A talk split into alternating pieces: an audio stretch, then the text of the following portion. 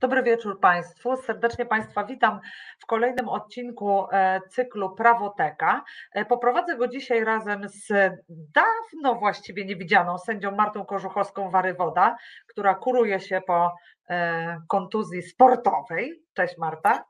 Cześć, dobry wieczór. Bardzo cieszę się z tego spotkania. Witam Państwa serdecznie. E, proszę Państwa, zanim rozpoczniemy, mam nadzieję, e, bardzo udaną audycję, e, chciałabym Państwa tylko przeprosić, bo w ubiegłym tygodniu chyba po raz pierwszy w życiu zdarzyło mi się w czasie tej audycji zadeklarować, że nasz imię i nazwisko naszego gościa i oczywiście to chyba przyniosło jakiś zły los, bo nieszczęśliwie tak się złożyło, że dr Hanna Machińska w dniu dzisiejszym z nami być nie mogła, ale będzie z nami za tydzień to po pierwsze, a po drugie, proszę Państwa, gościa mamy tak znamienitego, że z całą pewnością Państwo nam tą e, obsuwę wybaczycie. Zapraszamy e, pana sędziego Wojciecha Hermelińskiego. Dobry wieczór. Dobry wieczór, panie sędzio. Wywołali Pana właściwie nasi słuchacze, bo w ubiegłym tygodniu na komentarzach pytali, co w końcu z tym Trybunałem Konstytucyjnym, czy my mamy tego prezesa, czy nie. Chciałbym, żeby prawoteka to wyjaśniła. To dziś będziemy mieli okazję. Tak, ja może tylko powiem, że w przestrzeni publicznej e, zarysowały się dwa stanowiska. Zgodnie z jednym stanowiskiem e, kadencja prezeski Julii Przyłębskiej powinna trwać do końca jej kadencji sędziego Trybunału Konstytucyjnego, czyli pełne 9 lat. Natomiast druga część i prawników, komentatorów, między innymi też specjaliści z Fundacji Batorego, ale też pan sędzia w stanie spoczynku Trybunału Konstytucyjnego, pan sędzia Biernat, wskazują, że nie, że E, ta kadencja e, wygasła z dniem 20 grudnia, ponieważ e, tak naprawdę te przepisy ustawy. Marta, 2000... poczekaj, daj panu sędziemu odpowiedzieć, bo ty już odpowiesz nam na pytanie. Panie Nie, ja sędzio. tylko mówię, że są dwa stanowiska, a teraz zapytam się pana sędziego, które stanowisko on prezentuje i jak możemy to uzasadnić, które, które jest błędne, jeśli chodzi o interpretację przepisów i czy w ogóle wcześniej E, jeśli chodzi o funkcjonowanie Trybunału Konstytucyjnego, zdarzyła się taka patowa sytuacja. Tak, więc ja też ja uważam, że tutaj rację ma profesor Biernat y, i tak samo Fundacja Batorego, która, którzy występują e, z tezą, że kadencja pani prezes, pani sędzi Przyłębskiej już wygasła. E, I tutaj ja myślę, że to wynika tak z jednej strony z pewnego niechlujstwa ustawodawcy, bo ustawa dotychczasowa e, wygasła, straciła swoją moc. E, natomiast nowa ustawa dopiero wchodziła w życie, o ile pamiętam, od chyba, 20, od, chyba od 14 stycznia. E, natomiast zaprzysiężona została pani Przyłębska 21 e, grudnia, czyli już po uchyleniu, po wygaśnięciu e, tej starej, starej ustawy. W związku z tym, no tutaj tak mówiąc w skrócie, pan, pan i zgadzam się, pan, pan prezes Biernat przyjmuje taką koncepcję, że jakby ta nowa ustawa przechwytuje w locie dotychczasowe stosunki prawne. W związku z tym pani sędzia Przyłębska jest tutaj mm, już prezesem na określoną kadencję sześcioletnią. I oprócz tych dwóch takich y, koncepcji, powiedzmy, teoretyczno-konstytucyjnych, że tak powiem, to też się ukształtowały to już raczej mm, w, w prasie, w mediach, takie dwie koncepcje, bo z jednej strony czytamy w niektórych gazetach, że w Trybunale nastąpił bunt, bunt sześciorga sędziów, Natomiast y, z niektórych też wypowiedzi y, y, wynika, że to wcale nie jest bunt, tylko listy, listy tych sześciorga sędziów były zaadresowane nie do pani Przyłębskiej jako do prezesa Trybunału Konstytucyjnego, tylko jako do sędziego, który w trybie w oparciu o artykuł chyba 11 czy 12 ustawy o Trybunale Konstytucyjnym już jest, nie jest już prezesem, natomiast jest osobą, która jakby pełni funkcję prezesa, ale ma tylko bardzo ograniczone kompetencje kompetencje, w zasadzie one się sprowadzają do przeprowadzenia, do przeprowadzenia, zwołania zgromadzenia sędziów i przeprowadzenia głosowania, a e, e, pani prezes traktowana jest jako osoba, która zgodnie z ustawą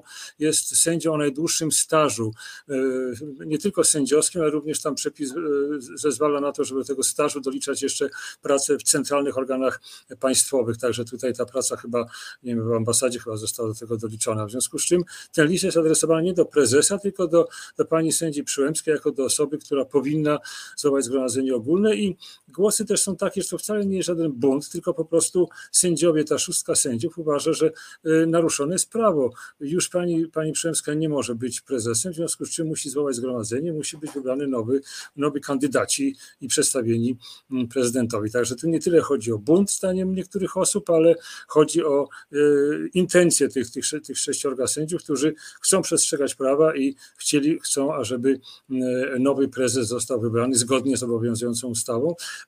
Ja nie wiem, przyznam się, że tutaj no, nie wnikam w to. Ja zresztą jestem, nie mam żadnych już kontaktów z Trybunałem. Niestety przykro jest mi bardzo z, z tym, co się stało po 2015 roku y, i, i postanowiłem sobie, że już tam dopóki, dopóki taka sytuacja, jak teraz będzie trwała, to ja nie będę w ogóle tam się pojawiał, bo e, zresztą tym bardziej nie mam do kogo, nie, nie znam tam nikogo z sędziów, ewentualnie jeszcze z pracowników, których bardzo lubiłem, ale też tam niewiele ich zostało, moja dawna asystentka tam jeszcze została.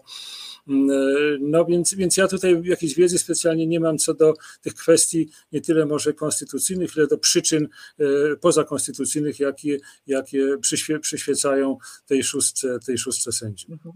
Dobrze, ale to może wyjaśnijmy naszym słuchaczom jedną rzecz, czyli ten tryb, co się dzieje, jeśli faktycznie kadencja prezesa Trybunału Konstytucyjnego wygasa. Z przepisów, tak jak pan sędzia powiedział, wynika, że wtedy tą funkcję pełni tymczasowo najstarszy stażem sędzia Trybunału Konstytucyjnego. No i tak wynika tutaj z obliczeń, że tym najstarszym sędzią stażem jest pani Julia Przyłębska i ona tak naprawdę ma krótki okres czasu, prawda, czyli mniej więcej jeden miesiąc, żeby zwołać tak, tak. zgromadzenie tak. ogólne sędziów Trybunału Konstytucyjnego, które wybierze e, dwóch kandydatów, którzy z kolei zostaną przedstawieni e, panu prezydentowi. Tylko ja mam wrażenie, że e, ten spór jest troszeczkę uwikłany politycznie, ponieważ pan premier chyba stoi na stanowisku i pan prezydent, że kadencja pani Julii Przyłębskiej będzie trwała 9 lat, natomiast część osób chyba powiązanych z panem ministrem Ziobro, bo nie ulega wątpliwości, że, że takie powiązania są na pewno pomiędzy panem sędzią Święczkowskim. E, tutaj stoi na tym stanowisku, że jednak 6 lat i, i koniec tej kadencji. E, I teraz tak, takie pytanie, e, czy to, że mamy do czynienia z tą samą osobą, zarówno która zdaniem jednych osób nadal pełni kadencję, a zdaniem drugich osób już jest tą osobą pełniącą obowiązki, czy to coś zmienia dla spraw, które toczą się w Trybunale? No w zasadzie, w zasadzie podejrzewam, że pewnie procedura będzie taka jak dotychczas. Pani Przyłębska będzie, traktując się jako prezesa Trybunału, będzie wyznaczać terminy, będzie wyznaczać składy. E, e, natomiast, natomiast to tylko ewentualnie tutaj ze strony tej, tej szóstki sędziów, nie wiem, być może ktoś jeszcze dołączy, bo tam mówi się o tym, że jeszcze dwie osoby być może dołączą, no ale to już od jakiegoś czasu się o tym mówi, one się nie, nie dołączają, także na razie jest tych sześciu, sześciu sędziów. No mogą teoretycznie blokować całą całość postępowania postępowania i rozprawy, i, i, i, i posiedzenia, narady, no bo zgodnie z ustawą e, wymagana jest do przegłosowania decyzji większość dwóch trzecich, czyli dziesięciu osób, a tutaj będzie tylko dziewięć, skoro szóstka jest, jest przeciwna. Więc gdyby tutaj chcieli dokuczyć, że tak powiem, w cudzysłowie, e, to mogliby w ten sposób działać. No nie sądzę, żeby takie były intencje, natomiast intencje polityczne zapewne są. Oczywiście tu pani, pani sędzia ma rację, mówiąc o tych tutaj powiązaniach, no można ich się dopatrywać Przecież to nie, nie, jest to nie jest to nic trudnego, żeby, żeby to dostrzec, widząc już i obserwując wcześniejsze jakby powiązania, czy, wcześ, czy wcześniejsze orzeczenia, które szły bardzo na rękę e, właśnie szczególnie ministrowi Ziobro uwzględnianiu jego, jego wniosków, które składał ostatnio hurtowo niemalże do, do, do Trybunału, między innymi ten dotyczący artykułu 6 konwencji i inne jeszcze. Więc tutaj na pewno o takich powiązaniach politycznych można mówić, ale to domniemywam, nie, nie mam pewności, bo jak powiedziałem, tu specjalnie wiedzy jakiejś nie mam, poza tym, co by czytam w internecie i, i, i w prasie. Ale, ale tym bardziej, że pan Święczkowski jest jednym tutaj sygnatariuszy tego, tego listu, więc można zakładać, że, że jest to jakaś akcja, która e, w swoim zamiarze miała uruchomić procedurę e, wyboru sędziów i, i, przed, i celem przedstawienia jako jednego z kandydatów pana Święczkowskiego prezydentowi. Więc być może taka, taka tutaj przyświecała też myśl, ale być może też również i łącznie z tym też myśl taka, taka, że no skończyła się zgodnie z prawem kadencja pani Przyłębskiej, w związku z tym trzeba wyznaczyć, musi prezydent powołać nowego prezesa. Z tym, że przyznam się, że jak widzę tutaj nieustępliwość pani Przyłębskiej, która wychodzi z założenia, że no jest prezesem do końca kadencji, no więc jeżeli ona stanowiska nie zmieni, to trudno będzie tutaj cokolwiek zdziałać, bo tak, z jednej strony, no tu czytałem wypowiedź ministra Kalety, który mówi, że no prezydent powinien jakoś, jakoś mediować, ale prezydent w zasadzie w swoim takim krótkim, jednozdaniowym wystąpieniu chyba jakiś czas temu powiedział, że w zasadzie to wszystko jest po stronie, leży po stronie Trybunału, czyli Trybunał powinien to wszystko załatwić. No ja rozumiem, że ma na myśli pewnie to, że Trybunał powinien podjąć uchwałę, zgromadzenie powinno podjąć uchwałę i przedstawić mu kandydatów. Minister Kaleta jeszcze mówi, no najgorszym rozwiązaniem byłoby jakaś interwencja ustawodawcy. No, nie wiem, jakby to miało wyglądać. No, w każdym razie tak to, tak to, tak to, tak to, tak to się przedstawia w tych różnych wypowiedzi, tak to wynika. Pani sędzia, ale, ale pójdźmy poczekaj, dalej, bo tak Marta, naprawdę... bo ja e, chciałabym zwrócić uwagę, e, bo e, rozmawiacie tymczasem i zobaczcie Państwo, z jaką my już łatwością mówimy. Po pierwsze o tym, że jest rzekomy bunt, czyli o stanowisku ludzi, którzy prezentują i uzasadniają prawnie jakiś pogląd, i to są ludzie, no powiedzmy tacy, którzy się znają na tym, przynajmniej częściowo, e, prezentują pewien pogląd, a my mówimy o tym, że oni się buntują. A po drugie, zaraz jednym, e, jednym ciągiem mówimy o tym, że to może być wszystko motywowane politycznie. Przypomnijcie sobie Państwo, że parę lat temu cały ten e, galimatias z, z rzekomą reformą wymiaru sprawiedliwości i wszystkiego miał się, miał związek właśnie z tym, że sędziowie no, nie są transparentni, bo różne rzeczy robią i miało się wszystko uporządkować. Tymczasem teraz nie możemy właściwie o żadnej instytucji mówić, żeby się nie zastanawiać, kto z kim jest powiązany, kto ma w tym interes. E, I to jest naprawdę smutne, mam e, takie przekonanie. No to jest bardzo smutne. E, to może jak już e, wyszliśmy z tego toku, to pytanie od naszego słuchacza, bo myślę, że bardzo istotne. Pan Andrzej Mroczkowski pyta, a jakie jest zdanie pana sędziego odnośnie prawidłowości samego powołania Julii Przyłębskiej 6 lat temu? Rozumiem, że pan Andrzej pyta o brak e, uchwały Zgromadzenia Ogólnego Sędziów Trybunału Konstytucyjnego. Tak, to jest, to uważam, że to jest wada, bo, bo nie było uchwały Zgromadzenia Ogólnego. Podobnie zresztą jak i przed Sądem Najwyższym przy wyborze pierwszego prezesa Sądu Najwyższego. Tam też nie, nie podjęto uchwały, tylko w oparciu o wyniki głosowania przedstawiono prezydentowi e, listę kandydatów z podaniem głosu. Podobnie było też tutaj, także to od samego początku konstytucjonaliści uważają, że, że wprawdzie e, sędzia Przyłębska została jako sędzia wybrana prawidłowo, ale jako prezes Trybunału została wybrana nieprawidłowo. No ale to się utrzymuje od samego początku i w zasadzie no, faktycznie, faktycznie jest traktowana jako prezes, no bo wyznacza składy, wyznacza terminy rozpraw, e, więc ten, ta, wada, ta wada istnieje, no ale nie ma żadnego przełożenia na rzeczywistość. Podobnie jak i z Krajową Radą Sądownictwa, prawda? Przedstawione są, przedstawiane są kandydatury e, przez neokRS, przez niekonstytucyjną e, instytucję, no ale prezydent te kandydatury zatwierdza, powołuje sędziów, a oni wydają orzeczenia, więc to jest wszystko to jest takie doppelstadt, jak to, mówi, jak to powiedziała kiedyś pani, pani e, profesor Łętowska, podwójne państwo. Mhm. Tak, dobrze, ale panie sędzio, idźmy dalej, bo tak naprawdę ten termin na zwołanie zgromadzenia ogólnego, który powinien wybrać tych dwóch kolejnych kandydatów, upływa e, aktualnej prezesce 20 stycznia, czyli już bardzo szybko. E, co będzie, jeśli to zgromadzenie nie zostanie zwołane? Czy może to zgromadzenie zwołać jakiś inny sędzia Trybunału Konstytucyjnego? No ja nie bardzo taką możliwość widzę. Tu wprawdzie jeszcze jest wiceprezes, profesor Muszyński, e, no ale Który kolei... jest jednym z tych sygnatariuszy tak, wśród tych sześciu sędziów, tego, tak. No ale z tego, co tutaj też wyczytałem w internecie, to w zasadzie pełnomocnictwa, jakie kiedyś uzyskał to od, od sędzi Przyłębskiej, jako wiceprezes, one zostały wycofane w związku z czym, a ustawa, ustawa mówi, ustawa o Trybunale mówi, że, że wiceprezes może działać w oparciu o, o, o pełnomocnictwo. Nie ma tam działania w oparciu o ustawę, tylko, tylko muszą być udzielone pełnomocnictwa, no ale tych pełnomocnic nie ma, a nawet jakby teraz powiedzmy, załóżmy hipotetycznie, że, że sędzia Przyłębska chciałaby takich pełnomocnic udzielić, to pewnie profesor Muszyński powie, no ale ja nie mogę ich przyjąć, bo przecież one są udzielane przez osobę, która nie jest prezesem, przez osobę niewłaściwą. Jest to wszystko to jest wszystko tak zaplątane, to, to jest naprawdę, zrobiło się jakieś błędne koło. Ja, ja nie bardzo widzę z tego wyjście. Ja podejrzewam, ja podejrzewam, że to tak będzie trwało do, do, do końca kadencji sędzi Przyłębskiej. Dobrze. Pewnie tak. To panie sędzio, jeszcze jedno pytanie. Czy jest jakiś organ państwowy, który mógłby dokonać wiążącej interpretacji tych przepisów? Czy, czy, czy tu jest jakieś rozwiązanie? No ja nie widzę żadnego organu. Znaczy interpretacji tych przepisów, no to może, może, może tutaj dokonać, no, no nie wiem, no są różne organy, ale to nie są, to nie będą interpretacje, które będą jak wybierały skutek. I, I to co rodzaj będzie jakiejś opinii, no nie wiem, może, może, no nie wiem, są, nie wiem, no, do głowy teraz nie przychodzi jakaś instytucja konkretna, ale, ale pewnie, no chociażby tak jak Fundacja Batorego by dała opinię, czy tak jak poszczególni profesorowie prawa, no ale co z tego, to tym się nikt nie przejmuje, to jest grochościane niestety. I, To i- prawda. I, i, I niestety no, obawiam się, że, że tak to się zakończy. Mhm. Pan Andrzej Mroczkowski pisze, rozumiem w kontekście Trybunału Konstytucyjnego, czyli w, czyli w rzeczywistości jest coś w rodzaju grzechu pierworodnego, jak w przypadku neo-KRS. No, e, nie jestem do końca przekonana, czy to rzeczywiście tak działa, ale e, panie sędzio, czy pan chciałby skomentować takie pytanie? No, czy grzech pierworodny? No, ja nie wiem, czy tutaj można mówić o grzechu pierworodnym. To jest kwestia interpretacji e, tej nowej ustawy. E, I, i, i cóż, no, pani, pani Przyłębska interpretuje ją na, na swój sposób, twierdząc, że ona jest prezesem będzie do końca swojej kadencji sędziego.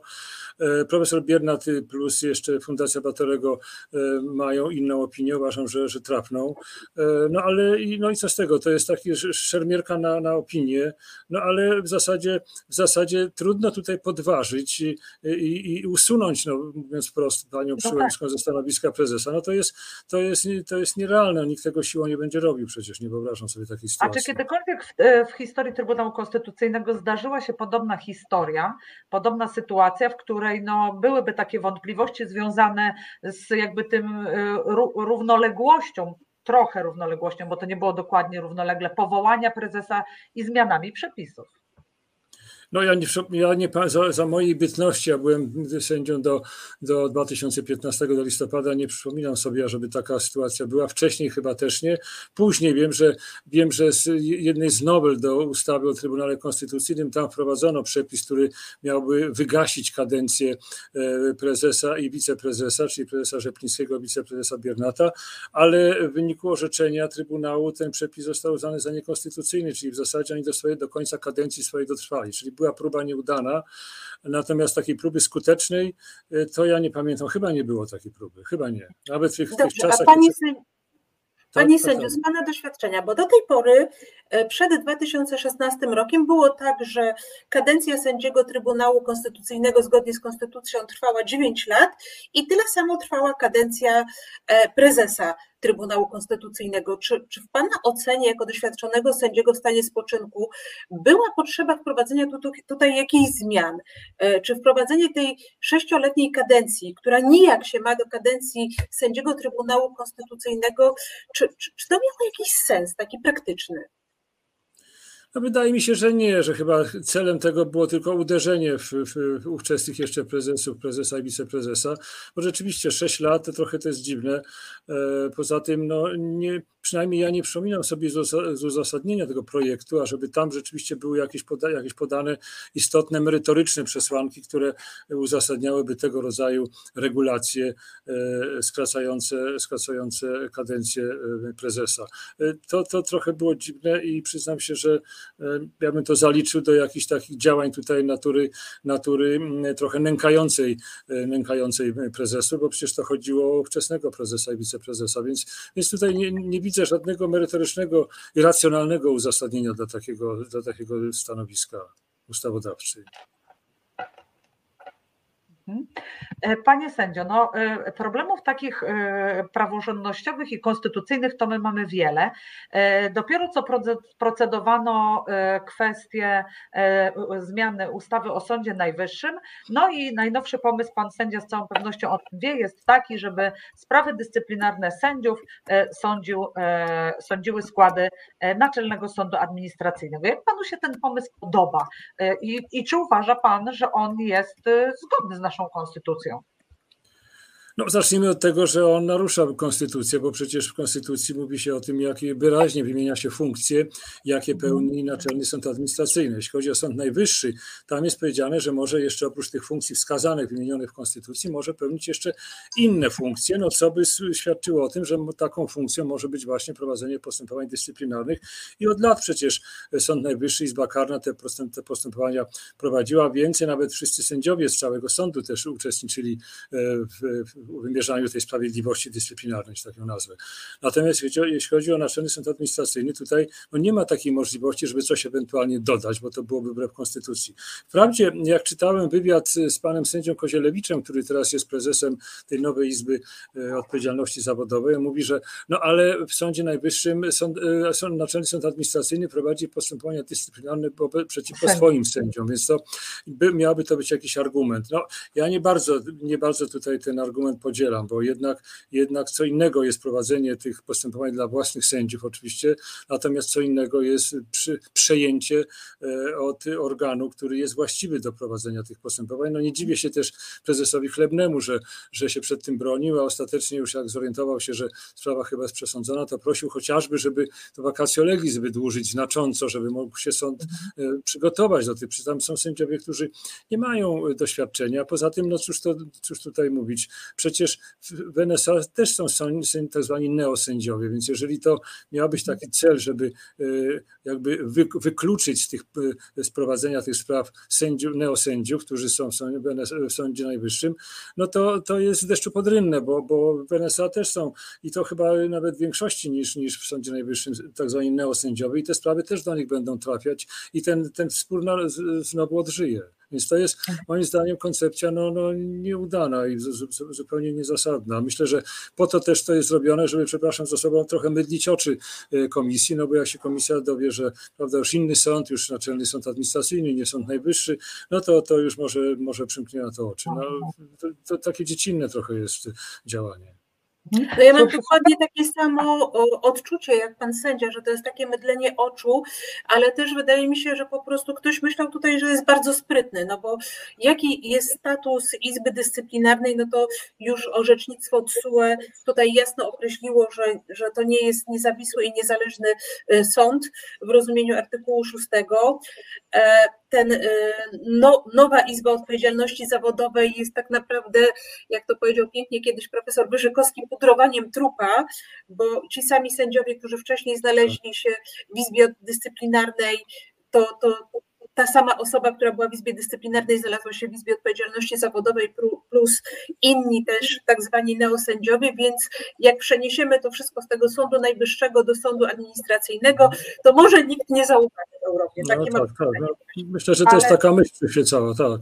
Tak, ale wiecie Państwo, ja słuchałam, y, to było chyba zebranie Katedry Prawa Karnego i Konstytucyjnego Uniwersytetu Jagiellońskiego. Tam e, bardzo e, dużo autorytetów prawniczych się wypowiadało i chciałam dodać do tego, co e, Pan, Panie Sędzio powiedział, że po pierwsze, to profesor Łętowska podkreślała, że jakby brak też Naczelnemu Sądowi Administracyjnemu, ona użyła takiego słowa, którego teraz nie mogę sobie przypomnieć, ale chodziło o to, że to jest jakby inny duch, co innego jest przedmiotem zainteresowania sędziów Naczelnego Sądu Administracyjnego, a zupełnie co innego jest przedmiotem postępowania e, dyscyplinarnego, to po pierwsze, ale po wtóre, e, oni ustosunkowywali się również do, e, bo padł ten argument, że przecież NSA zajmuje się sprawami dyscyplinarnymi własnych sędziów. I wówczas, wówczas ciekawa teza padła, że zdaniem, zdaniem, zdaniem tego wypowiedzenia, wypowiadającego się.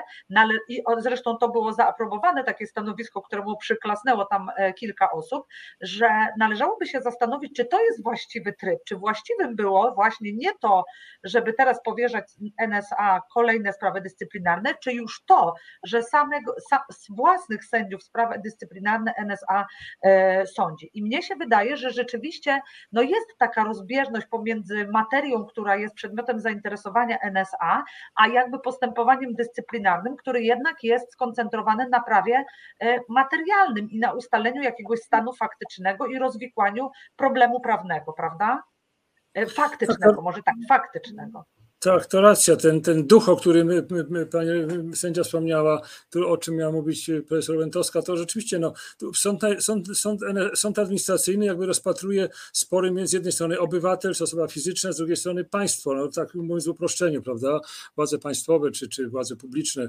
Natomiast tutaj jest zupełnie co innego. Tutaj chodzi o spory między obywatelami, e, więc, więc tu rzeczywiście jest, jest różnica. Poza tym jeszcze jeden argument, który mi się przypomniał, też był podawany właśnie e, za, za tym, żeby przenieść sprawy do sądu administracyjnego, mianowicie NSA podlega tylko prezydentowi, więc tutaj mówiono, no skoro tutaj ma wpływ na, na sędziów, na ministra sprawiedliwości, to tu nie będzie miał, bo tylko prezydent ma tutaj wpływ na, na, na, na Naczelny Sąd Administracyjny i na sądy administracyjne, no ale to też jest władza wykonawcza, więc to jest trochę zamienić się siekierka na kijek, więc to, to jest to argument też taki trochę dla, dla mydlenia oczu. Wiecie co, ja sobie pomyślałam jeszcze o jednej rzeczy, ponieważ e, też jako argument podawano taką informację, że e, sędziów sądu administracyjnego jest zdecydowanie mniej niż sędziów Sądu Najwyższego. Poczekaj, i to bardzo... Marta, przepraszam, przepraszam, że ci przerwę, ale e, realizator informuje nas, że jest telefon, a zatem myślę, że może poczekaj e, z tą wypowiedzią, a połączymy się z słuchaczem, żeby nie musiał czekać. Dobry wieczór. Dobry wieczór. Witamy serdecznie. Witam również. Mogę mhm. tak powiedzieć, bo z, własne, z własnego mieszkania, więc mogę powiedzieć witam. Dobrze. Rozumiemy, że chciałby Pan zadać jakieś pytanie naszemu gościowi. E, tak, e, tak, bo mówiąc szczerze, dość długo e, spoglądam na karierę Pana Hermelińskiego. E, uważam, że jest jednym z ciekawszych postaci, jeżeli chodzi o nasz rynek prawniczy, jeżeli tak mogę powiedzieć. E, mi się udało przestudiować prawo przez półtorej roku. E, mój ojciec skończył prawo, brat pilnował prawa jako, jako oficer. I ja się z jednej strony dziwię, że, czy dziwię, pozytywnie, że, że, pan, że, pan, że pan Hermeliński ma tyle cierpliwości do tego wszystkiego, że za przeproszeniem nie, nie, nie stuknie ręką w blat bo ja już mając lat te na drugim roku prawa stwierdziłem po prostu, że w Polsce prawo jest martwe. Mam teraz lat 46, wtedy miałem poniżej 20 i stwierdziłem, że próba pilnowania czegoś, co jest e, podstawą zdrowego społeczeństwa, po prostu w naszym kraju jest niemożliwa. I ja bym chciał zapytać pana Hermelińskiego, skąd u niego jest aż tyle siły wewnętrznej, żeby utrzymać w sobie taki standard wysoki. Ja wiem, że nie wszystko się podobało wszystkim po kolei, to co pan, pan, pan, pan Herbeliński mówił momentami. Niemniej zawsze stał za literą prawa. Więc proste pytanie. Patrząc na, na ten, no, tu nie chcę używać brzydkich słów, bo nie wypada. Skąd tyle. Jak pan sędzia daje radę, tak? Jak pan sędzia daje tak, radę mówiąc żyć? Krótko tak, mówiąc krótko tak. Mhm. Że, że, że jeszcze nie używa wulgaryzmów i. Panie sędzio, jak pan daje radę? Nie, więcej głowy nie zawracam. Dziękujemy, Dziękujemy za telefon.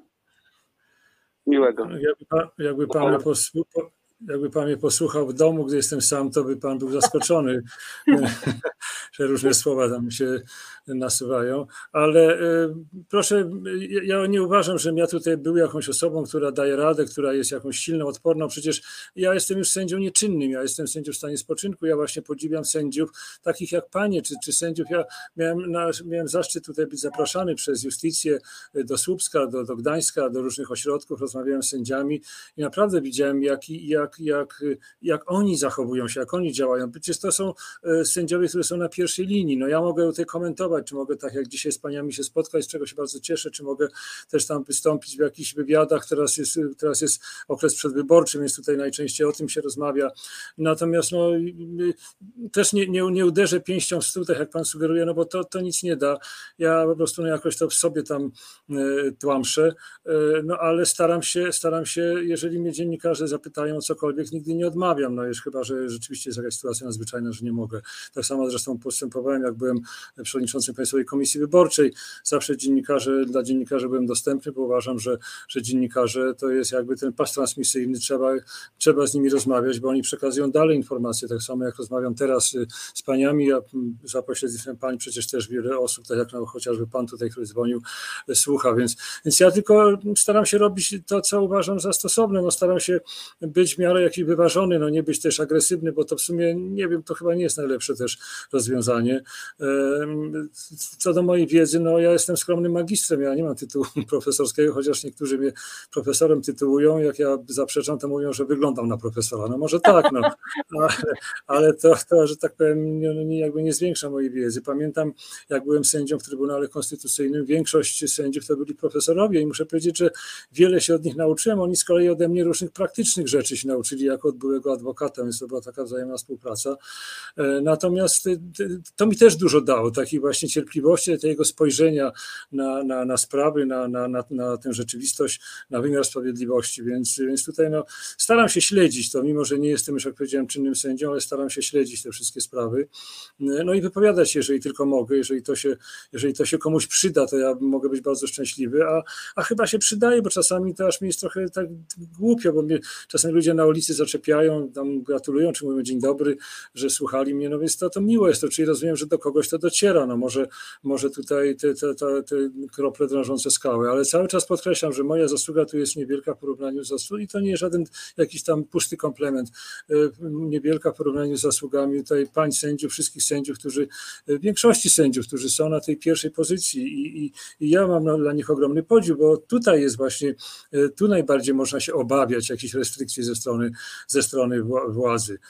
Natomiast no cóż, no owszem, no, jakieś tam postępowanie dyscyplinarne zostało wobec mnie wszczęte, no ale na razie cisza, nic się nie dzieje, więc zresztą też inni sędziowie są też w podobnej sytuacji. Bo to tak działa, panie sędzio, bo to się najpierw ogłasza, że się wszczyna, a potem się... Tak, to trzeba potem, tak, potem to wszystko leży, ale chodzi o to, żeby zastraszyć. Tak. Żeby zastraszyć. Trochę odnieść do tego, co powiedział e, pan e, nasz słuchacz, że prawo nie działa. Ja bym nie była taką pesymistką, że prawo nie działa, bo zobaczmy przykładowo na instytucje pytań prejudycjalnych. Z tego, e, co wiem, nasz kraj, nasi prawnicy chyba w tej chwili są w awangardzie, jeśli chodzi o Unię tak, Europejską, tak, tak. jeśli chodzi o ilość zadanych pytań prejudycjalnych. Czyli jeżeli nie możemy zrobić czegoś już na naszym podwórku, bo, bo, bo jesteśmy e, niewydolni, jeśli chodzi o funkcjonowanie Trybunału, bo o tym też jeszcze chciałam powiedzieć właśnie, co, co, co się dzieje z Trybunałem Konstytucyjnym, czemu on przestał działać, ale pójdźmy dalej, to jednak mamy, jesteśmy też sędziami europejskimi, prawnikami europejskimi i tu możemy działać i myślę, że ilość tych orzeczeń, które zapadła na podstawie polskich pytań prejudycjalnych, to w tej chwili już jest naprawdę duża liczba. To jest jedna rzecz, ale ja jeszcze mam zawsze drugą historię dotyczącą tego, czy prawo działa, czy nie działa, i to jest historia Karpi. E, pani adwokat Karolina Kuszlewicz też była naszym gościem i rozmawialiśmy o tym, ale ta historia jest dłuższa, bo ja pracowałam i nadal pracuję z sędzią w Sądzie Rejonowym dla Warszawy Woli, która gdzieś mniej więcej około 2006 roku uchyliła jedno z umorzeń e, prokuratury rejonowej Warszawa Wola właśnie dotyczące znęcania się nad karpiami. E, w trybie e, sekcji postępowania przygotowawczego i sądowej kontroli e, postępowania przygotowawczego i w ramach odwetu później prokuratura chyba przez pół roku składała jej wnioski o uzasadnienie od każdego uzasadnienia i potem po jakichś mniej więcej 14 czy 13 latach ta historia skończyła się orzeczeniem Sądu Najwyższego, więc to jest też taki przykład, że i w takim aspekcie, może, może długo i może, może byśmy chcieli, żeby to było szybciej, ale prawo działa. Nie, oczywiście też, też uważam, że prawo działa. Nie można to jednoznacznie powiedzieć, że prawo nie działa. Także, także tutaj ono może rzeczywiście no może należałoby oczekiwać, niektórzy oczekują, że będzie szybciej działać, no ale sytuacja jaka jest, no jakiegoś e, znaczącego przyspieszenia no nie da się niestety tutaj spowodować. A wracając do tego, co pani sędzia mówiła o karpiach, no muszę powiedzieć, że to mi przypomniało sprawę, którą mieliśmy w Trybunale Konstytucyjnym dotyczącą tak zwanego uboju rytualnego. Ja, ja jestem tutaj, ja byłem zrozpaczony tym wyrokiem jaki Trybunał wydał, bo ja byłem przeciwny temu wyrokowi, bo Trybunał uznał, że ubój rytualny zwierząt, który polega na tym, że zwierzę się męczy, ma podrzynane gardło i męczy się przez kilkanaście sekund czy kilka minut nawet, wykrwawiając się, no uznano, że, że jest, to, jest to zgodne z prawem, jest to zgodne z konstytucją, więc tutaj tu niestety Trybunał się, Trybunał się tutaj no, nie popisał, ale ja zawsze, tak jak i pani sędzia wspomina, tutaj no, wydaje mi się, że jednak nadal, tak jak czytam w różnego rodzaju e, wypowiedziach prasowych,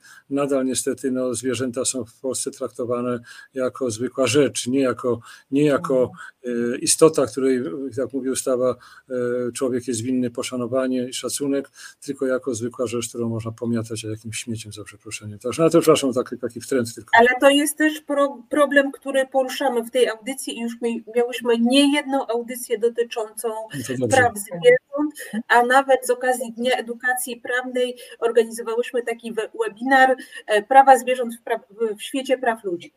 Mhm. Więc ale, na... ale zwróćcie Państwo Super. uwagę, że e, no, powiedzieć, że nasze prawo jest e, martwe, to nie jest właściwa, e, właściwa teza, mi się wydaje, bo nawet, nawet jeśli patrzymy na tą sytuację, która trwa od paru lat, no nie oszukujmy się, to jest, to jest demolka i to jest właściwe słowo prawa na różnych płaszczyznach, ale to prawo jest wykorzystywane w różny sposób i wydaje mi się, że to nie jest kwestia prawa, czyli tego, czy my mamy przepisy, czy nie mamy, tylko tego, o czym mówi e, bardzo często profesor Łętowska i w czym no niestety przykro mi akurat bardzo, bo chciałabym się zgadzać z nią w wielu kwestiach, ale w tej akurat nie. E, ważne jest to, kto z tego prawa korzysta. Czyli nie jest tak, że mamy dobre prawo, które gwarantuje nam, że wszystko będzie ok, tylko jeszcze musi być wola dobrego stosowania prawa przez tych, którzy je stosują. I prawo da się źle wykorzystać, nawet dobre prawo, prawda? Ale tak, oczywiście. No... Dobrze, to jeszcze się wtrącę. Mi się zawsze przypomina taka, e, takie stanowisko wygłoszone przez profesora Matczaka na samym początku, jak doszło do całego tego chaosu. I profesor Matczak mówi, że możemy być najlepszym e, graczem w szachy i mieć poukładane e, te szachy i przygotowane na szachownicy, no ale co zrobić, jak na szachownicę wejdzie gołąb, poprzebraca nam figury i, i, i jeszcze zrobi inne rzeczy. No tak, to racja. Tutaj nawiązanie do pani, do pani sędzi. E, pani profesor Łętowska rzeczywiście często nawet wyraża się dosyć krytycznie o, o sądach, łącznie z Sądem Najwyższym, twierdząc, że no niewłaściwie stosuje prawo. No rzeczywiście mogą takie sytuacje się pojawiać, no ale, ale to, to, to tym bardziej świadczy o tym, że tu nie chodzi o kwestię prawa, bo prawo jako takie myślę, że mamy nie najgorsze, natomiast jest kwestia e, wykonywania te, tego prawa, sposób też przedstawiania, jak, jak e, przez sędziów, dlaczego dlaczego taki wyrok został wydany. Ja muszę powiedzieć, że jak wspominam, już, już, już raz o tym mówiłem, jak byłem zapraszany, e, co było dla mnie wielką przyjemnością przez justicję w różnych miejscach Polski, to sędziowie właśnie często mówili w ten sposób, że plusem tego, co się dzieje, to jest to, że myśmy jakby wyszli poza tę skorupę, że my, że, że poza tę bańkę, że my mamy teraz jakiś już kontakt, mniejszy czy większy ze społeczeństwem, mówimy do nich, rozmawiamy, wyjaśniamy kwestie. No między innymi właśnie ta dzisiejsza audycja, czy inne jeszcze inne audycje prowadzone przez internet, czy bezpośrednie spotkania e, z, z, z ludźmi. E, w kilku takich uczestniczyłem, między innymi w Toruniu. Muszę powiedzieć, że to był naprawdę znakomity, znakomity pomysł, żeby, żeby właśnie tego rodzaju spotkania spotkania e, z, z, no, z, z, ludźmi organizować, którzy, z którymi można było porozmawiać, którzy zobaczyli tego sędziego, nie zawsze musi być w krawacie, może być też i w trampkach, i może przyjść w dżinsach i normalnie, normalnym językiem mówić zrozumiałym. No tak, to prawda. Mhm. Ja jeszcze się wetnę, przepraszam, ponieważ... przepraszam, to skończę. Kamyczek, przepraszam, kamyczek też do naszego, do naszego Trybunału, bo ja pamiętam kiedyś taką właśnie sytuację, między innymi sędzia Łętowska uczestniczyła w wydaniu wyroku, była jednym z członków składu. Dotyczyło to jakiegoś beneficjum dla, dla, dla osób prywatnych i ja pamiętam, wyrok był wydany korzystny zgodnie z, ze skargą konstytucyjną. Ja byłem sprawozdawcą, uzasadniałem to, e, więc widziałem, że bardzo był rozczarowany ten pan, który złożył skargę konstytucyjną, a sędzia Łętowska zgłaszała zdanie odrębne więc jak to, jak to zdanie odrębne zgłosiła, to aż prawie bili brawo, że taki dobry wyrok. No więc widać to właśnie sposób, wystarczy sposób wyrażenia myśli. No ja widać tak nieudolnie wyraziłem, że nie zrozumieli tego wyroku, że on jest korzystny, a pani sędzia Mentowska, która miała zdanie przeciwne, no uznali, że jednak tutaj e, e, przyznała im rację. Więc to, to, był, to też było dla mnie, było też dla mnie takim e, e jakby, jakby sygnałem, że, że trzeba mówić jaśniej, a jeszcze, przepraszam, tyle mówię, ale jeszcze pamiętam ze swojej działalności adwokackiej, kiedy wystąpiłem po raz pierwszy przed e, panią sędzią, jest mi pani sędzia Misiurkiewicz w ówczesnym sądzie jeszcze wojewódzkim. Ja pamiętam, byłem obrońcą jakiegoś zabójcy i zacząłem przemówienie, na co pani sędzia mi przerwała, powiedziała tak, proszę pana, jak pan chce być zrozumiały, żeby sąd pana rozumiał i słyszał, to proszę nie mówić do kołnierza i może proszę mówić powoli i głośno i wyraźnie. To, to mnie nauczyło, naprawdę to było dla mnie taką szkołą i już tego się nauczyłem i, i, i, i muszę powiedzieć, że, że takie tego rodzaju mm, spotkania, tego rodzaju różne reprymendy są na pewno bardzo pouczające, pod warunkiem, że ten, kto je słyszy, chce, chce je przyjąć. Przepraszam, taki Tak, trochę tlen. Nic się nie stało. Nasz słuchacz, który dzwonił, pyta jeszcze raz. To poproszę o opinię pana Hermelińskiego e, w sprawie tak zwanego buntu w Trybunale i również panie poproszę o opinię. Więc oddaję głos najpierw panu. Ale No to już rozumiemy, ja- że chodzi o to, czy to jest bunt, tak? No Tak, właśnie, to jest no- bunt. Chyba tak. No właśnie, no tak jak na, na, na wstępie wspomniałem, no ja to słowo bunt wyczytałem, chyba Rzeczpospolita jako pierwsza napisała o tym, zatytułując ten swój artykuł Bunt w Trybunale Konstytucyjnym, chyba ze znakiem zapytania, już nie pamiętam tego dobrze. E, No i w sumie no, znajdował się tam opis, że sześciu sędziów wystąpiło przeciwko pani, pani prezes Przyłębskiej. Więc, y, więc mówię, są takie dwa spojrzenia. Jedno, że to jest bunt, a drugie, tak jak zresztą napisał, i to też chyba wczorajsza Gazeta Wyborcza e, przytaczała fragmenty e, wystąpienia pana sędziego Steliny, który napisał bezpośredni list, oprócz tego jeszcze listu zbiorczego tych sześciu sędziów, napisał swój indywidualny list do, do, do pani prezes, wyjaśniając, dlaczego ona już nie jest prezesem i wyjaśniając, że to nie jest bunt, tylko po prostu sędziowie uważają, że skończyła się kadencja e, pani prezes, w związku z czym powinno być zwołane zgromadzenie ogólne i wybrani nowi kandydaci. Więc, więc tutaj z jednej strony można patrząc z zewnątrz e, oceniać to jako bunt, że się te sędziowie zbuntowali. No, zależy jakimi się przesłankami kierowali, bo jeżeli się zbuntowali po to, żeby wybrać nowego sędziego, bo uważają, że prawo jest naruszone, no to można to nazwać buntem, ale można też, może to być bunt z jakichś innych względów, że im się nie podoba pani prezes, że, że powiedzmy niezadowoleni są z tego jej działania, z tej żonglerki sędziami, bo przecież to ciągle słyszymy o tym, że e, zresztą wynika to z listów jeszcze dwóch czy trzech listów sędziów, którzy już odeszli jakiś czas temu z Trybunału, którzy podnosili, przytaczali wykaz spraw, gdzie sędzia, który e, ogłaszał chęć złożenia zdania odrębnego, został natychmiast wycofany ze składu i zastąpiony innym sędzią, który będzie e, głosował tak, jak e, to widzi sprawozdawca, więc, więc być może z tego powodu ten bunt. Także ja bym tego, ja bym tego buntem nie nazwał, bym nazwał to po prostu chęcią, chęcią, chęcią y, odsunięcia sędzi Przyłębskiej od prezesury i wybrania nowego prezesa. Czy to jest bunt, to, to trudno jest mi powiedzieć. A jeżeli jest bunt, no to, to zależy, jakimi przesłankami się ci, ci panowie kierują. Nie wiem, nie znam, nie znam ich nigdy na oczy, żadnego nie widziałem, nikogo nie znam, więc trudno jest mi też z tego punktu widzenia na to patrzeć. No a jak ty uważasz, Marta? Wiesz co, mnie to pytanie zadał mój mąż, e, jak zaczęło się całe to zamieszanie i ja będąc prostym karnistą, e, prawo konstytucyjne pamiętając tylko i wyłącznie z aplikacji, ale bardzo miło wspominając, powiedziałam, że tak, że w prawie karnym to jest tak, że procedura łapie w locie i jak się zmienia pewna procedura, to my procedujemy na nowe i wydaje mi się, że tutaj powinno Poczekaj być tak Marta, samo. bo ty tak mówisz, Państwo na pewno tego nie zrozumieją. Proszę Państwa, to chodzi o to, co zresztą ostatnimi czasy zdarza się co miesiąc, że jeżeli zmieniają się zasady postępowania w sprawie, a ta sprawa już trwa od jakiegoś czasu i powiedzmy rozpoczęła się w piątek, a w najbliższą niedzielę zmieniają się przepisy, to ona w dalszym toku będzie szła już według tych nowych przepisów. I to właśnie Marta ma na myśli, mówiąc, że procedura łapie sprawę w lot. Czyli nie ma znaczenia, e, czy ta sprawa się zaczęła przed czy po. Od tego momentu, kiedy zaczyna obowiązywać nowe prawo proceduralne, to wówczas e, to e, biegnie według tych nowych. Chyba, chyba, że, chyba, że przepraszam, są jakieś chyba, przepraszam bardzo, chyba, że są Tak. jakieś przepisy przejściowe, które potem mówią, Oczywiście. że te przepisy od tej daty, a te od tej, natomiast tutaj tego nie było. Od Ale powiem jeszcze więcej, bo ja sobie dokładnie przeczytałam, wy- wyroku łącznym, gdzie więcej Opinie- bałaganów przepisów po- powstało przejściowych niż e, z tego e, niż porządku. Proszę Marta.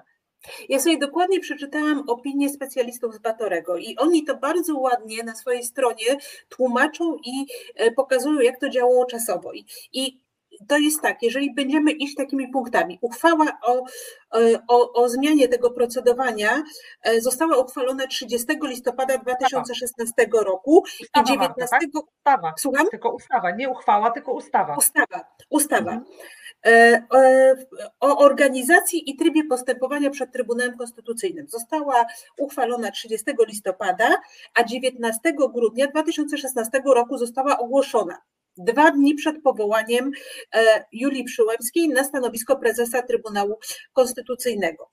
E, przepisy, e, o których rozmawiamy, weszły w życie o tej sześcioletniej kadencji 3 stycznia. I tutaj prawnicy z Fundacji Batorego mówią tak, że skoro ta ustawa była już ogłoszona 19 grudnia, E, to już była zna, znana jej treść i w momencie, kiedy e, Julia Przyłębska została wybrana na stanowisko prezesa Trybunału Konstytucyjnego, znała już treść tej ustawy i nie można e, z tego powodu wyciągnąć takiego wniosku, że nie można jej stosować w stosunku do niej. Natomiast faktycznie zabrakło, bo jeszcze 13 grudnia 2016 roku weszły w życie przepisy wprowadzające ustawę o organizacji i trybie postępowania przed Trybunałem Konstytucyjnym oraz o ustawie o statusie sędziów Trybunału Konstytucyjnego i tak naprawdę e, tam też zabrakło e, jakiegoś konkretnego przepisu, który by mówił, jak e, można powiedzieć, że jakieś przeoczenie czy niechlujstwo ustawodawcy i stąd też cały ten problem. I na to też wskazują ci prawnicy, ale sumując to wszystko, oni powołują się na taką zasadę, że nie można domniemywać działania poprzedniego prawa po wyjściu w życie nowego prawa. I to tak mniej więcej jak z tą procedurą karną, która łapie w locie.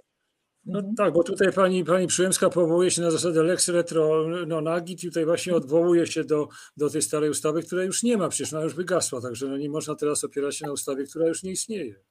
Mhm.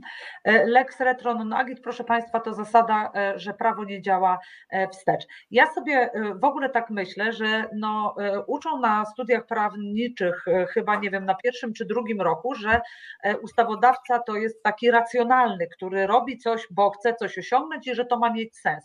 Jakkolwiek doświadczenie życiowe i zawodowe nauczyło mnie, że trzeba mieć bardzo dużo cierpliwości czasem, żeby dostrzec, dostrzec racjonalność ustawodawcy, ale proszę, zwróćcie Państwo uwagę, że jaki byłby sens zmiany wówczas przepisów po to, żeby teraz czekać 9 lat do upływu kadencji e, pani sędzi Przyłębskiej, tak, żeby one dopiero zaczęły obowiązywać. Intencja była taka, żeby skrócić te kadencje, no, no i zmieniał się prezes, więc powinno tak być. Jeśli idzie, żeby już wyczerpać e, oczekiwania e, naszego słuchacza, mnie się, nie jestem przekonana, czy słowo bunt nie jest słowem dziennikarskim, a tutaj też no jednak pewną ostrożność na, bym zalecała, dlatego że e, dziennikarstwo no niestety często e, e, używa takich chwytliwych słów po to, żeby nas zatrzymać i one są niekiedy zupełnie nieadekwatne do tego, co potem przeczytamy za tym wielkim, głośnym tytułem.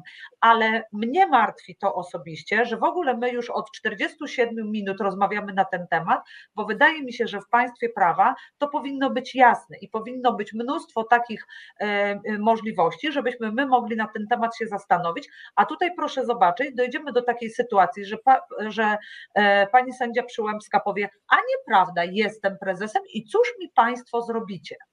E, I to jest dla mnie niepokojąca sytuacja w państwie prawa, że ona nawet e, no, jakiejś szczególnej dyskusji nie podejmuje, tylko po prostu nie, no bo przecież mogłaby zgromadzenie zwołać i wtedy mogło, można by tą sprawę przedyskutować, od, do, dokonać głosowania, wtedy przynajmniej no, jakieś by było oparcie wśród sędziów choćby Trybunału Konstytucyjnego. Tymczasem nic takiego e, się nie dzieje i to mnie bardziej martwi, że w ogóle musimy się. I jeszcze to, o czym powiedział pan sędzia, że w zależności zależności od tego, e, jak zinterpretujemy zachowanie e, sędziów, którzy ten e, list podpisali, to będą oni albo politycznymi buntownikami, albo stojącymi na straży prawnikami. I ten, ta, ten rozdźwięk mnie szalenie niepokoi i wydaje mi się, że no, to źle świadczy o państwie prawa, jakie w Polsce chcielibyśmy przecież mieć, prawda?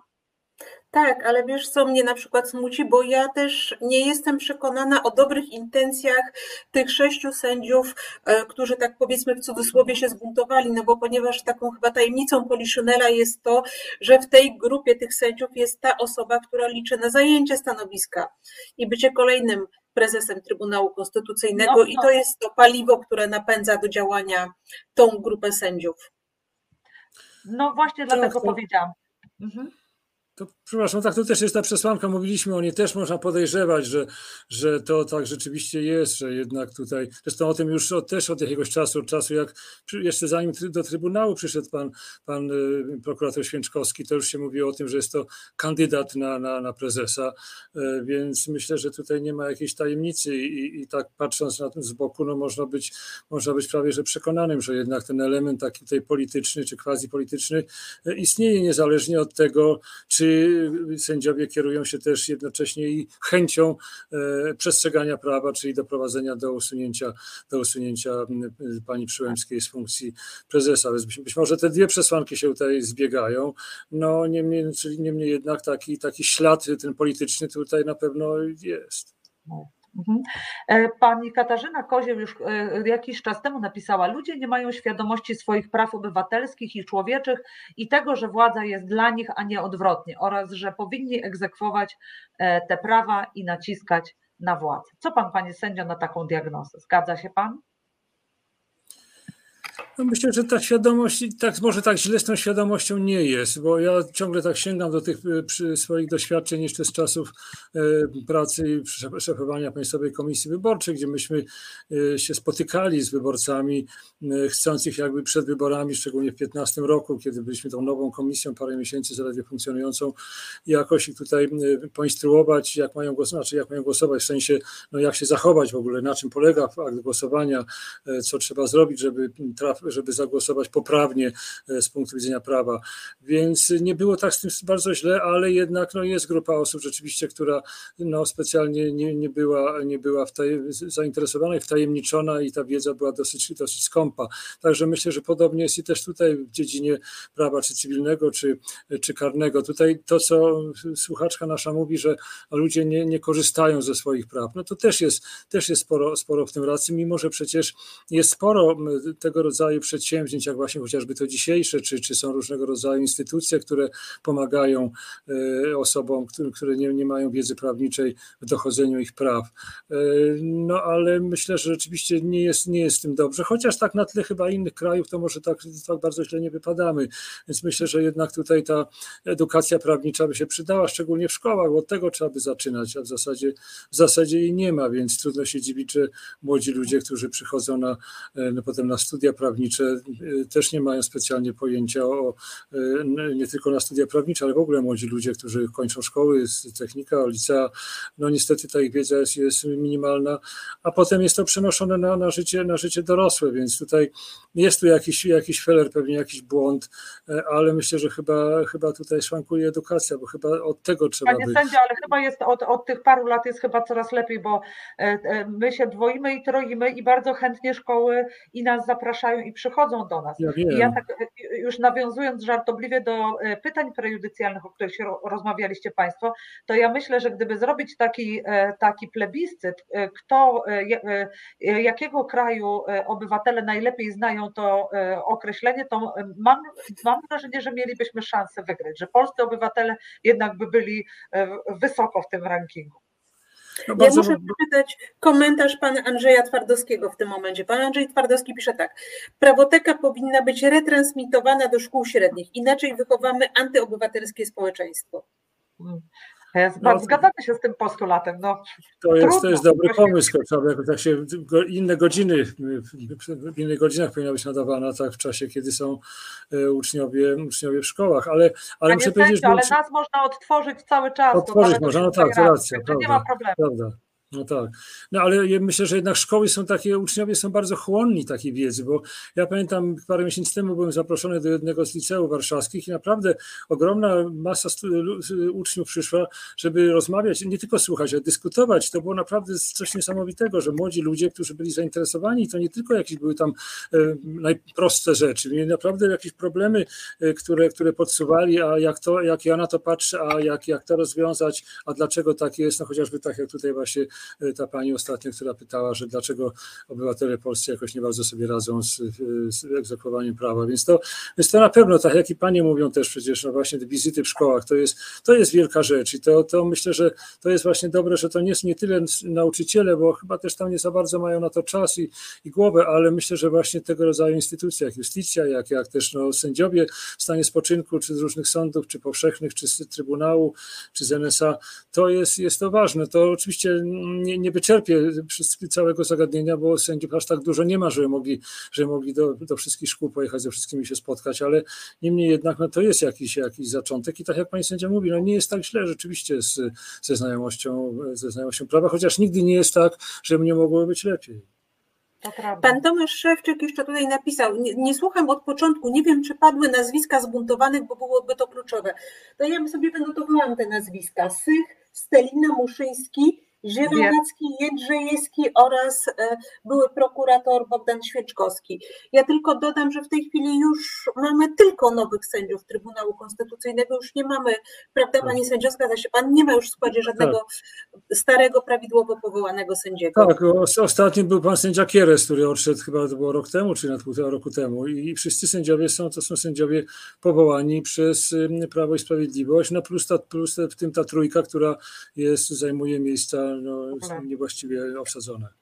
Bardzo aktualne pani... pytanie pani Sofii Adamek. No Myślę, że to właśnie do pana sędziego. Czy jest niebezpieczeństwo sfałszowania wyborów przez PiS w przypadku niewielkiej przegranej oraz jakie, możliwości, jakie są możliwości obecnej władzy w unieważnieniu wyborów przy ich przegraniu? Jak pan na to patrzy jako były przewodniczący Komisji Wyborczej? Ja zawsze powtarzam na takie pytanie, czy jest możliwość sfałszowania. Ja uważam, że nie ma możliwości sfałszowania tak, tak, na taką skalę, ażeby to odwróciło wynik, wynik wyborów. No oczywiście zawsze tak było i jest i pewnie będzie, że w jakiejś tam drobnej skali, no można, prawda, ktoś tam, nie wiem, do, wyciągnie, przepraszam, z zapazuchy jakąś jeszcze dodatkową kartę, wrzuci do urny, czy ktoś odsprzeda swój głos tam za 50 czy za 100 zł, ale to, to są rzeczy, które nie mają wpływu na... I po 89 roku nigdy nie było takiej sytuacji, ażeby można było mówić o sfałszowaniu wyborów. Ja pomijam oczywiście to, co się działo po 2014 roku i te, i te tezy wygłaszane przez, przez PiS, że wybory zostały sfałszowane, co nigdy nie zostało udowodnione, bo, bo ani jednego aktu oskarżenia nie, nie, nie, nie, nie spotkałem, ani też tym bardziej wyroku sądowego, który by tutaj e, e, te kwestie oceniał.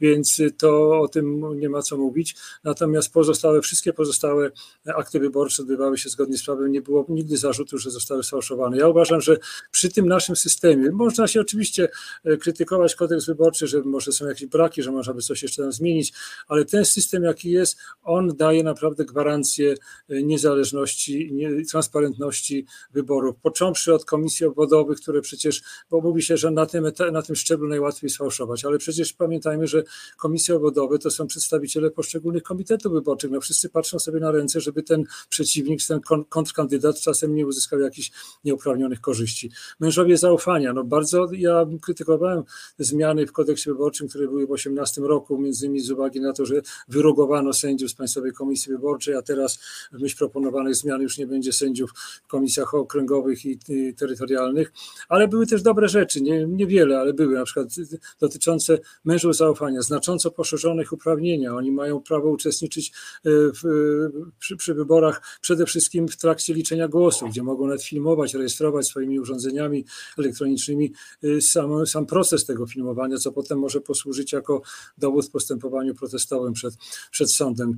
Obserwatorzy społeczni, którzy w myśl projektowanych przepisów mają też dostać uprawnienie do, do filmowania. Mężowie zaufania, którzy mogą towarzyszyć wszystkim członkom komisji, którzy przewożą y, y, protokoły do Komisji Wyższego Rzędu, mogą uczestniczyć przy wyliczaniu głosu, przy przekazywaniu drogą elektroniczną, więc to jest, jeżeli tylko będą chcieli te swoje obowiązki wykonywać prawidłowo, to tutaj jest to moim przekonaniu stuprocentowa gwarancja na, na e, transparentność i uczciwość wyborów. Także twierdzenie tutaj ze strony Prawa i Sprawiedliwości to jest niestety szkodliwe, bo wiele osób teraz słyszę powtarza, to no tak, no oczywiście na pewno jak Platforma wygra wybory, to będzie to wszystko sfałszowane, co jest, co jest nieprawdą, bo, bo e, nie ma, powtarzam, nie ma w moim przekonaniu takiej możliwości, żeby wybory na taką dużą skalę sfałszować. Co innego oczywiście zafałszowanie wy, wyniku wyborów poprzez kampanię wyborczą. No, pamiętam pamiętamy, co było w roku 19 i 20, więc jeżeli to się powtórzy, a wszystko wskazuje na to, że się powtórzy jeszcze w czwórnasób prawdopodobnie, no to będziemy mogli mówić o, tej nierówności ze strony kandydatów partyjno-rządowych i kandydatów e, opozycyjnych, niezależnych. E, A Sąd Najwyższy, ta nowa izba, no niestety, tak jak to uczyniła w roku 19 i 20, no przejdzie na tym do porządku prawnego, odnosząc się tylko do, do przepisu. Pamiętam taki był fragment wypowiedzi Sądu uchwały, uchwale Sądu Najwyższego, że skoro są przepisy, mówią, dopuszczające pluralizm mediów, no to w zasadzie wszystko jest w porządku. Więc, więc tutaj tylko tego się, tego się obawiam, jak ta nowa izba podejdzie do, do wyniku wyborów, jakie, jakie oceni. Ale same, same głosowania, same, same cała procedura wyborcza uważam, że tutaj nie ma możliwości, żeby ją sfałszować na takim, na takim, w takiej skali, żeby to zniekształciło wynik wyborów. Panie sędzio, ponieważ nasz czas się skończył, dziękujemy za ten pozytywny aspekt na koniec e, i tą pozytywną wypowiedź, że co do zasady e, takiego pełnego sfałszowania wyborów raczej nie, nie możemy oczekiwać na, na szczęście. I musimy kończyć. Jest godzina 22.00. Za chwilę zaczyna się kolejna audycja. Jeszcze raz serdecznie dziękujemy Panu za obecność i dziękujemy Państwu za aktywność, za pytania, za telefon do studia. Dziękujemy Również Państwu. Idźmy wszyscy do wyborów. Nie bójmy się Właśnie, fałszerstwa. to jest ten optymistyczny, a, a, a, optymistyczny akcent. Nie zostaną sfałszowane wybory. Jeśli wszyscy pójdziemy głosować, to No, na właśnie. pewno e, wybierzemy e, praworządne państwo. Dziękujemy panu, e, panie również sędzio, bardzo bardzo. dziękuję pani. Dziękujemy państwu, zapraszamy za tydzień. Do widzenia, dobranoc. Do widzenia. Dobranoc. Do widzenia, dobranoc.